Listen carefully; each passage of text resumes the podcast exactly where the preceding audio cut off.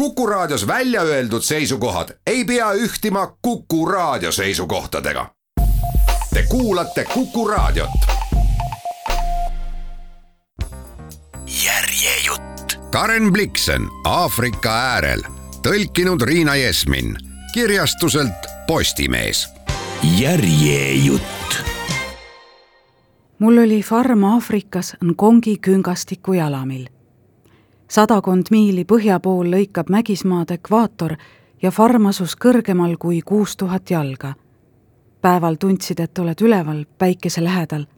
varahommikud ja õhtud olid aga selged ja vaiksed ning ööd olid külmad. asend ja kõrgus üheskoos lõid maastikku, mille sarnast ei leidu terves ilmas. kusagil polnud lihavust ega lopsakust see oli kuue tuhande jala selitatud Aafrika otse kui mandri kõva puhastatud olemus. värvid olid kuivad ja põletatud otse kui savinõudel.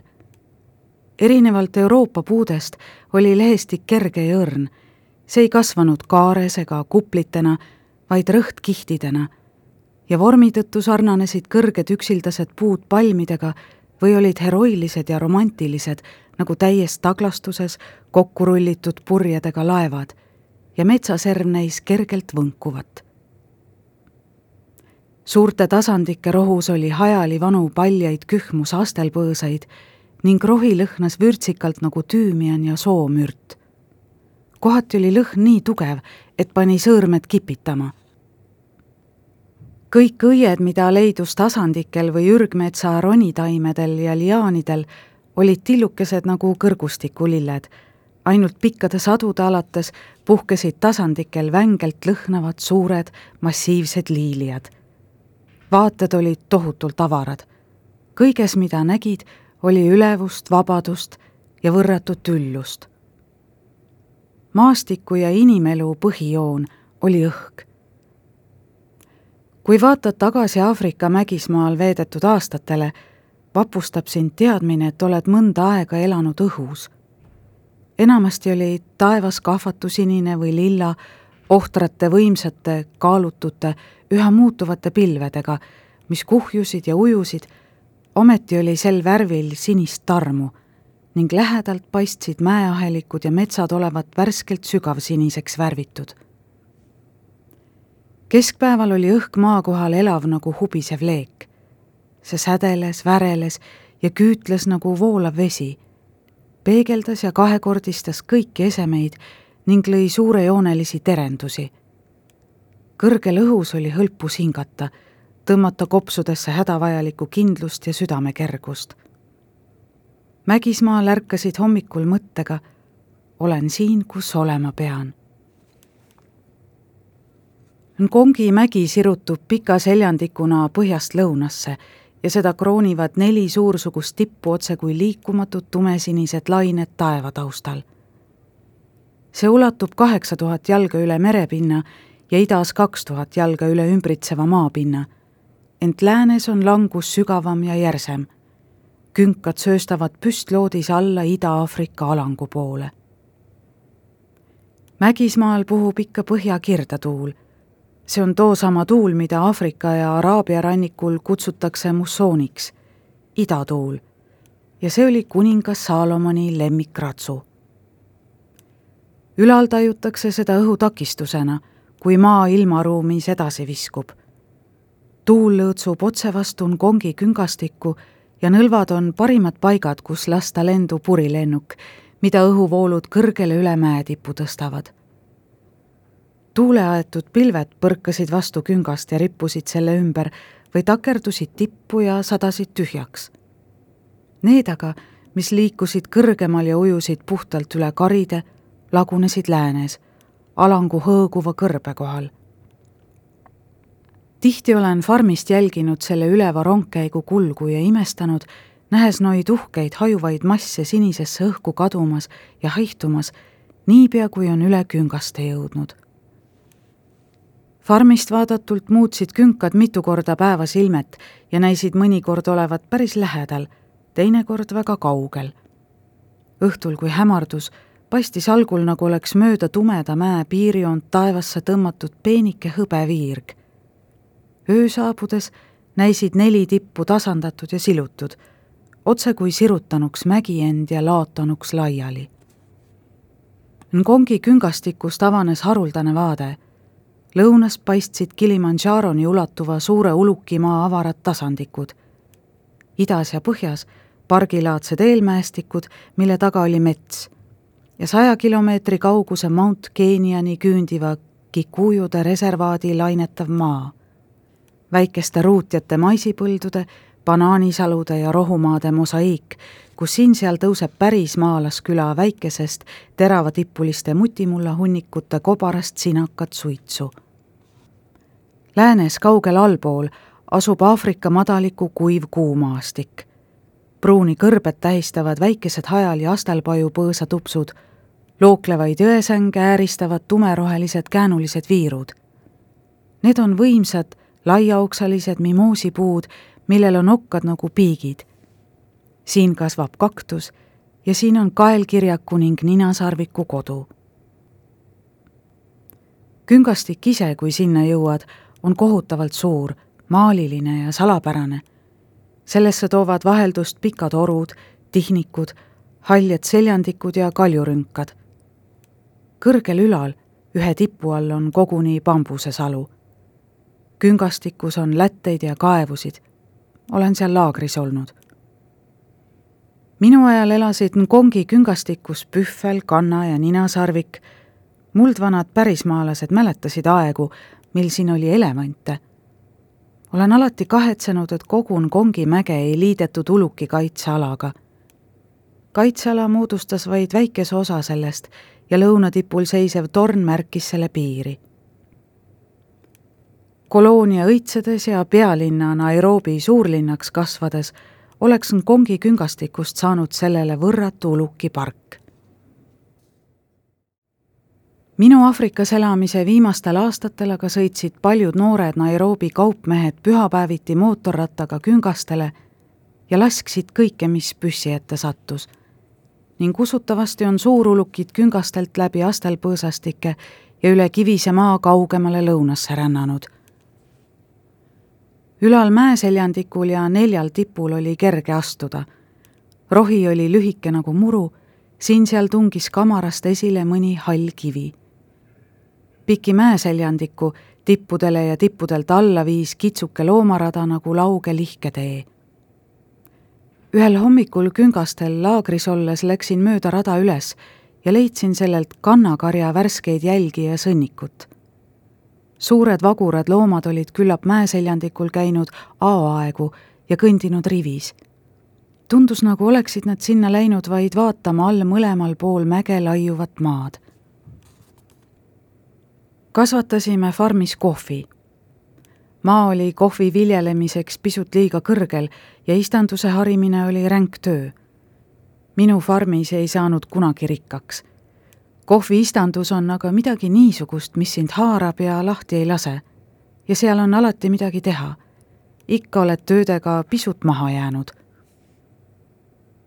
metsikus ja korrapäratus maastikus paistis tükike reeglite kohaselt mõõdetud ja täis külvatud maad väga ilus hiljem, kui lennukiga Aafrika kohal sõitsin ja harjusin oma farmi vaatama õhust, imetlesin kohviistandust, mis paistis rohekas hallis maastikus erkroheline ja taipasin, kui väga ihkab inimvaim geomeetrilisi kujundeid.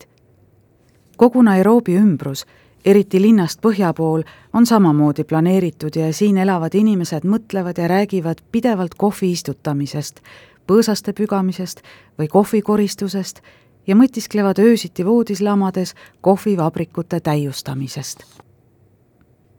kohvi kasvatamine on aeganõudev töö. See ei kuku alati välja nii, nagu kujutled, kui noorelt ja lootusrikkalt kannad paduvihmas kaste puukooli noorte läikivate kohviistikutega ja vaatad, kuidas hulk sulaseid istutab taimi korrapärastesse auguridadesse niiskes pinnases, kus nad kasvama hakkavad ja siis varjavad need päikese eest põõsastelt murtud okstega, sest pimedus on nooruse eesõigus. Läheb neli või viis aastat, enne kui puud kandma hakkavad ja vahepeal ründavad põldu põud või taimehaigused või katavad selle paksult jultunud põlistaimed, pikkade, karedate, rõivastesse ja sukkadesse takerduvate viljakestega tõlvad. mõni puu on halvasti istutatud, sammas juur on kooldus. Need surevad just õide puhkedes. aakrile istutatakse pisut üle kuuesaja puu. mul aga oli kuussada aakrit maad kohvi all tulevaste heldete andide ootuses vedasid mu härjad puuridade vahelt vaguralt kultivaatoreid edasi-tagasi tuhandeid miile. kohvifarmis on väga ilusaid aegu. kui istandus vihmade alates õide puhkes, pakkus see pimestavat pilti, otse kui kriidipilv udus ja vihmapihus kuuesaja aakri kohal. kohvipuu õiel on õrn mõrkjavõitu lõhn nagu laukapuu õiel kui põld küpsetest marjadest punetama lõi, kutsuti kõik naised ja lapsed, keda nimetatakse totodeks, koos meestega puudelt kohvi korjama. seejärel veeti saak furgoonidega ja vankritega jõe äärde vabrikusse. meie masinad polnud kunagi päris korras, olime aga vabriku ise planeerinud ja ehitanud ning tundsime selle üle uhkust. kord põles vabrik maani maha ja tuli uuesti ehitada suur kohvikuivati pöörles ja pöörles, keerutas oma raudkõhus kohvi ja kolises, nagu uhuks vesi rannikul kive. vahel sai kohv kuivaks ja tuli kuivatist välja võtta keset ööd. see oli maaliline hetk. hulk tormilaternaid valgustas vabriku hiigelruumi, kus kõikjal rippus ämblikuvõrke ja kohvikestasid ja lambivalgel paistsid ümber kuivati innukad mustad näod tundus nagu rippunuks vabrik suures Aafrika öös, otse kui särav kalliskivi etiooplase kõrvas. hiljem kohv lüditi, liigitati ja sorteeriti käsitsi ning pakiti kottidesse, mis sadulsepa nõelaga kinni õmmeldi. varahommikul, kui oli veel pime ja mina lamasin voodis, kuulsin lõpuks, kuidas kohvikotte täis laotud furgoonid, kaksteist kotti tonni kohta, kuusteist härga iga furgooni ees hakkasid liikuma mööda pikka vabrikuteed ülesmäge Nairobi raudteejaama poole. oli palju kisa ja lärmi, ajajad jooksid furgoonide kõrval. oli rõõm mõelda, et see oli ainus tõus nende teel, sest farm asus Nairobi linnast tuhat jalga kõrgemal. õhtul läksin naasvale karavanile vastu. väsinud härjad tühjade furgoonide ees vangutasid päid, neid ajas väike väsinud Toto ja kurnatud ajajad vedasid teetolmus piitsasid järele. nüüd olime teinud, mis meie võimuses oli. päeva-paari pärast pidi kohv olema laeval ja võisime vaid loota heale õnnele suurtel Londoni oksjonitel. mul oli kuus tuhat aakrit maad ja nõnda oli mul peale kohviistanduse palju vaba pinda. osa maast kattis põlismets ja umbes tuhat aakrit hõlmasid skvotterite põllud nende keeli šambad. skvotterid on pärismaalased, kes saavad koos perega harimiseks mõne aakri valgemehe farmis ja peavad vastutasuks teatud hulga päevi aastas tema heaks töötama. minu skvotterid nägid suhet arvatavasti teises valguses, sest paljud neist olid farmis sündinud nagu nende esivanemadki ja pidasid mind neil maadel omamoodi ülemskvotteriks skvotterite maa elas pingelisemalt kui farmi muud osad ja muutus koos aastaaegadega. mais ulatus üle pea, kui jalutasid kitsastel kõvaks tambitud radadel kõrgete haljaste kahisevate rügementide vahel ja siis see koristati. oad küpsesid põldudel ja korjati ning naised ropsisid neid varred ja kaunad koguti kokku ja põletati, nii et teatud aegadel kerkis siin-seal üle kogu farmi siniseid suitsusambaid kikujud kasvatasid ka magusat kartulit, millel on lehed nagu viinapuul ja mis katavad maad nagu tihe sassis vaip ja mitut sorti suuri tähnilisi kollaseid ja rohelisi kõrvitsaid. millal sa kikujuda šambade vahel ei kõndinud, ikka nägid sa kõigepealt mullast tuhniva väikese vananaise tagapoolt nagu pilti jaanalinnust, kes on pea liiva pistnud igalgi kujuperel oli hulk väikesi ümaraid teravadipulisi hütte ja aitasid. hüttidevahelisel vilkal betoonkõva pinnasega alal jahvatati maisi ja lüpsti kitsi, siin jooksid lapsed ja tibud. sinakatel hilisõhtutel käisin skvotterite majade lähistel magusa kartuli põldudel frankoliini laskmas ja õnnetuvid kudrutasid kaua kord kogu farmi maad katnud metsast šambamaadele siia-sinna jäänud kõrgetüvelistel narmalistel puudel. peale selle oli mu farmis paar tuhat aakrit rohumaad. siin rullus ja pages kõrge rohi nagu lained tugeva tuule ees ja väikesedki kuju poisid karjatasid isade lehmi. külmal ajal võtsid nad hütist väikeste punutud korvidega kaasa hõõguvaid süsi ja põhjustasid mõnikord suuri rohumaa tulekahjusid, mis olid farmi karjapidamisel hävitavad põuaaastatel käisid farmi rohumaadel sebrad ja kannad. kaksteist miili eemal tasasel maalapil küngaste vahel asuv Nairobi oli meie linn. siin olid valitsushoone ja suured kontorid, siin valitseti maad. linn mängib sinu elus alati mingit osa. on koguni ükskõik, kas sul on sellest öelda rohkem head või halba. vaimse gravitatsiooniseaduse kohaselt tõmbab see enda poole sinu vaimu öösiti linna kohal taevas helendav vine, mis paistis farmi mõnesse paika, pani mu mõtted liikuma ja meenutas suuri Euroopa linnu.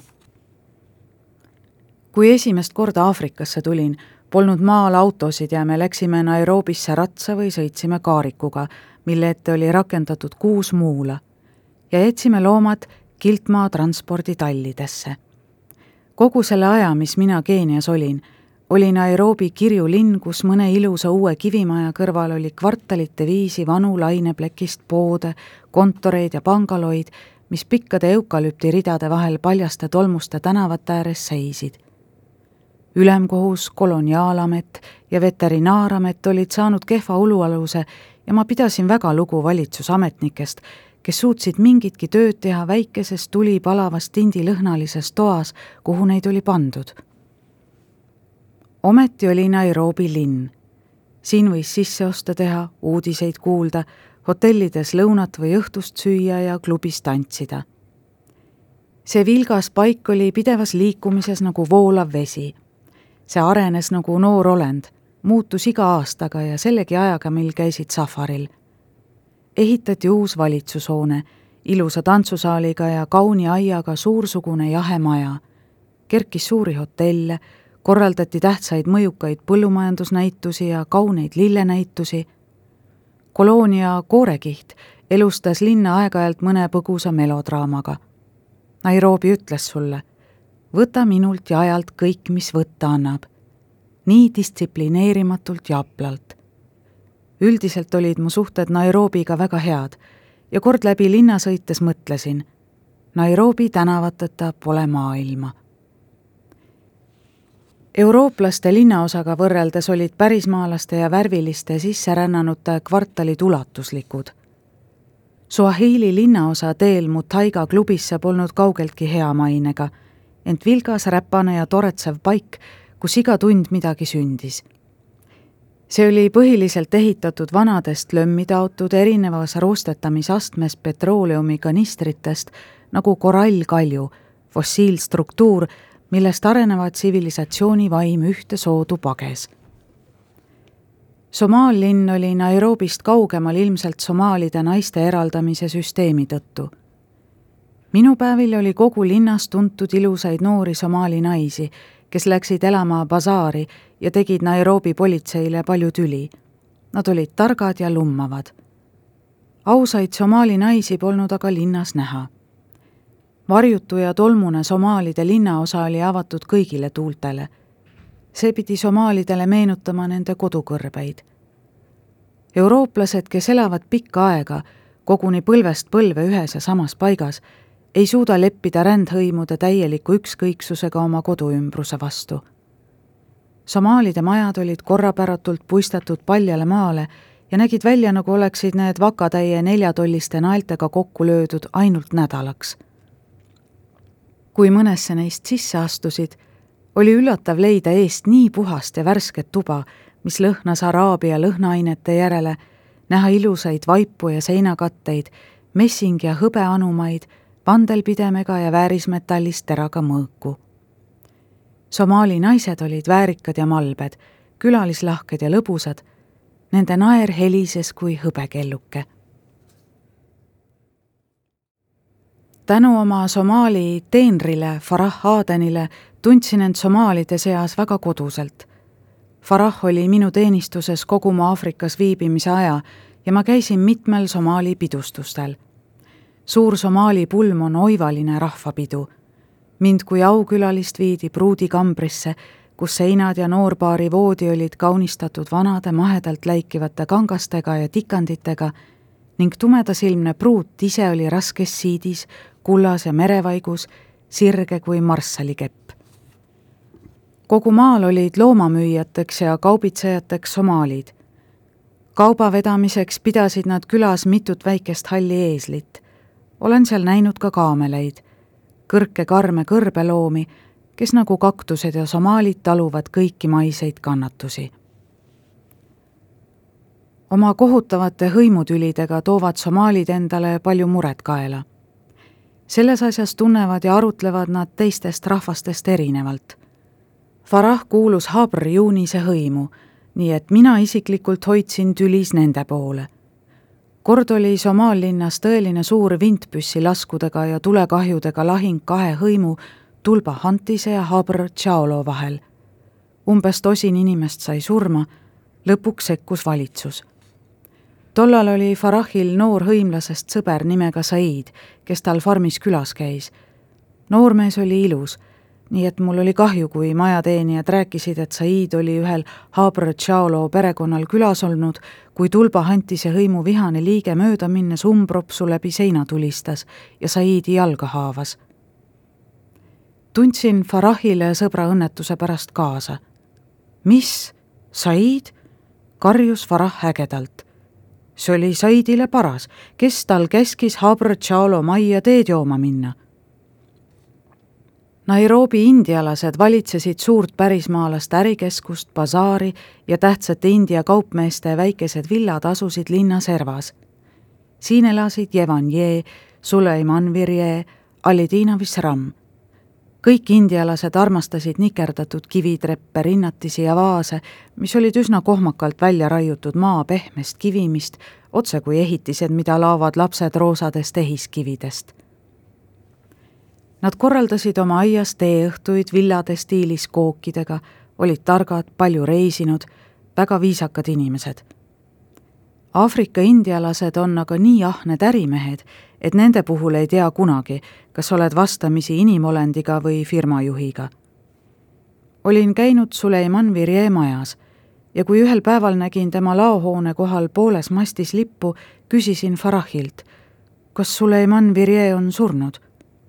poolsurnud, ütles Farah.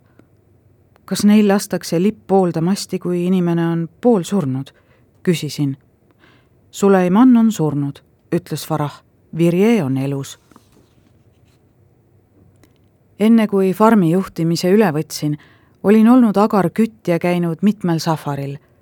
kui aga farmeriks hakkasin, panin vintpüssi kõrvale. farmi lähedal üle jõe elasid masaid, karjapidajaist rändrahvas. aeg-ajalt tuli mõni neist minu maja juurde kaebama, et lõvi murrab nende lehmi ja paluma mind minna ja loom maha lasta ning tegin seda ikka, kui sain. laupäeviti käisin mõnikord ka urungi tasandikel, et lasta sebra või paar oma farmitöölistele sabas kari innukaid kikujusid. lasksin linde, frankoliini ja pärlkana, mis on väga maitsvad. mitu aastat aga ei käinud ma üldse jahiretkel rääkisime farmis siiski tihti safaritest, millest olime osa võtnud. laagripaigad sööbivad mällu nagu oleksid seal veetnud pikki elujärke. Mäletad furgoonijälgede lookeid tasandikurohus nagu sõbra näojooni? safaril olen näinud pühvlikarja, sadat kahtkümmend üheksat looma ilmumas hommikuudust vasekarva taeva all, ükshaaval, nagu poleks otsekui rauast, tumedad kogukad rõhtsalt õõtsuvate hiiglasarvedega loomad mitte lähenenud, vaid loodud otse mu silme all ja saadetud välja niipea, kui valmis said. Olen näinud elevandikarja rändamas paksus ürgmetsas, kus päikesevalgus pihustub läbi tihedate ronitaimede, astumas, nagu oleks neil maailma lõpus kokkusaamine. see oli igivana hiigla mõõdus lõpmata väärtusliku rohelistes, kollastes ja mustjas pruunides toonides pärsi ja vaiba ääris. olin aeg-ajalt vaadanud kaelkirjakute liikumist üle tasandiku, nende kummalises jäljendamatus taimenõtkuses, nagu poleks tegu loomakarjaga, vaid haruldase pikavarrelise tähnilise hiigla lilleperega, mis aegamisi edasi nihkub olen järgnenud kahele ninasarvikule nende hommikusel jalutuskäigul, kui nad aoõhus nuhutasid ja noorsatasid. õhk oli nii külm, et näpistab nina. ja nägid välja nagu kaks väga suurt nurgelist kivi, mis pikas orus vallatledes üheskoos elu naudivad. olen näinud, kuidas kuninglik lõvi teel jahilt koju enne päikesetõusu kahaneva kuu all ületab halli välja ja veab hõbedasse rohtu tumeda joone nägu veel kõrvuni verine. ja kuidas siesta ajal puhkab rahulolevalt pere keskel madalas rohus oma Aafrika pargi laiade akaatsiate õrnas allikaveena jahedas varjus. Kõigile neile asjadele oli hea mõelda, kui farmis igavaks läks. suurulukid olid veel oma maadel, võisin neid ikka ja jälle vaatama minna, kui tahtsin. Nende lähedus lisas farmile sära ja lusti. Farah ehkki ta hakkas ajapikku farmiasjade vastu elavat huvi tundma ja mu vanad pärismaalastest safariteenrid elasid uute safarite lootuses. Kui koduukse ees seisin, kõlas läheduses pauk. üksainus pauk. seejärel sulgus öövaikus jälle igast küljest. mõne aja pärast kuulsin tsikaade siristamas rohus oma tasast ühetoonilist laulu nagu oleksid nad vakatanud, kuulama jäänud ja siis jälle jätkanud. kui öös kõlab üksainus lask, tundub see veidralt otsustav ja saatuslik. Näib, nagu oleks keegi karjunud sulle ainsast sõnast koosneva teate, mida enam ei korrata. seisin veidi aega ja mõtlesin, mida võis too pauk tähendada keegi ei saanud sel tunnil millegi pihta sihtida ja selleks, et kedagi eemale peletada, oleks tulistatud paar korda või rohkem. laskja võinuks olla mu veski ligidal elav indialasest puussepp Puuran Singh. ta võis tulistada paari veskiaeda hiilinud hääni, kes õgisid meie rakenditel ohjade tegemiseks mõeldud härjanaharibasid, mis olid üles riputatud ja millel olid kivid raskuseks otsa seotud. Puuran Singh polnud mingi uljaspea võis aga ohjade kaitseks onni ukse pärani lüüa ja vana püssi paugutada. ometi oleks ta mõlemad rauad tühjaks lasknud, võib-olla uuesti laadinud ja veel tulistanud, kui kord juba vapruse meki suhu oli saanud. aga üks lask ja seejärel vaikus. ootasin mõnda aega teist lasku. kõik jäi vaikseks ja kui uuesti taevasse vaatasin, polnud ka vihmast märki niisiis läksin voodisse, võtsin raamatu ja jätsin lambi põlema. kui võtad Aafrikas lugemist väärt raamatu rängast lastist, mida head laevad on pidanud Euroopast pika tee vedama, loed seda nii, nagu autori meelest peaks tema teoseid lugema. Ja palud Jumalat, et kirjanik jätkaks lugu niisama ilusti, nagu oli alustanud. su mõte liigub vaimustatult mööda värsket sügavat haljast rada paari minuti pärast keeras mu sissesõiduteele kohutava kiirusega mootorratas, jäi maja ees seisma ning keegi kloppis kõvasti vastu elutoa kõrget akent. panin seeliku ja jaki selga, kingad jalga, võtsin lambi ja läksin õue. Väljas seisis mu mölder, silmad ehmatusest ümmargused, nägu tulevalgel leemendamas. tema nimi oli Belnap. ta oli ameeriklane ja erakordselt võimekas ning nupukas mehaanik ent tasakaalutu loomuga. ta oli ikka kas seitsmendas taevas või ainsagi lootuskiireta mustas masenduses. kui ta mu teenistusse tuli, ärritas ta mind oma muutlike vaadetega elule ja farmi tulevikule ning oludele, tundus nagu asetanuks ta mind tohutule mõttekiigele. hiljem harjusin temaga tõusud ja langused olid vaid omamoodi igapäevane tundeharjutus elavale temperamendile, mis vajas hädasti liikumist millel aga sündmusi oli liiga vähe. Aafrikas on see tavaline asi noorte tarmukate meeste juures, eriti nende puhul, kes on noorusaastad veetnud linnas. nüüd saabus Belnep otse õnnetuskohalt ega suutnud kohe otsustada, kas peaks oma näljase hinge rahuldamiseks võtma loost, mis võtta annab, või säästma end selle süngusest ning esitama selle võimalikult kainelt. ja kahe vahel olekus oli ta nagu pisike poiss, kes on hingpakil tormanud õnnetusest teada andma. ta kogeles. lõpuks esitas ta loo võimalikult kainelt, sest tal endal polnud asjas mingit osa. saatus oli teda veel kord alt vedanud selleks ajaks oli oma majast tulnud Farah ja kuulas koos minuga Belnepi jutustust. Belnep rääkis, kui rahulikult ja meeldivalt oli õnnetu õhtu alanud. tema kokal oli olnud vaba päev ja tolle äraolekul oli köögis peo korraldanud seitsmeaastane köögitoto Kabero, minu vana skvotteri ja farmi lähima naabri, vana kavalpea Kaniinu poeg. kui seltskond hilisõhtul ülemeelikuks läks tõi Kabero oma isanda püssi ja mängis tasandikelt ja šambadelt pärit metslastest sõpradele valget meest.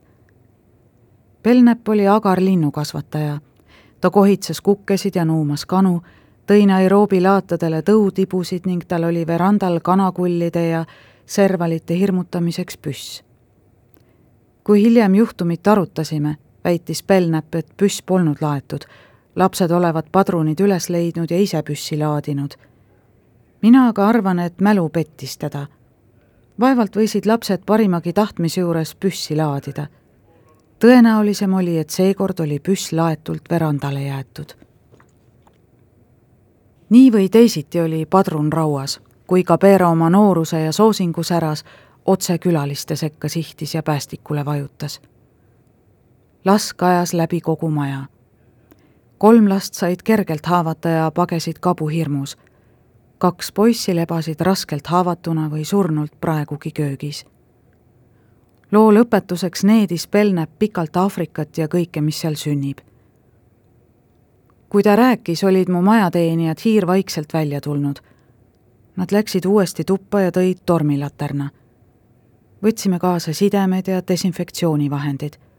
olnuks aja raiskamine üritada autot käima panna ja me jooksime kõigest väest läbi metsa Belnepi maja juurde Lähemale jõudes kuulsime üksteise järel lühikesi kähedaid meeletuid karjeid. lapse surmakisa. köögi uks oli pärani lahti, otse kui oleks surm sisse ja jälle välja tormanud ning jätnud maha laastatud maja nagu kanala, kus on käinud mäger. laual põles tattnina. suits kerkis laeni ning väikeses toas püsis veel püssirohu lehk. püss oli laual tattnina kõrval terve köök ujus verest. ma libisesin ligedal põrandal. järjejutt. Karen Bliksen Aafrika äärel, tõlkinud Riina Jesmin, kirjastuselt Postimees. järjejutt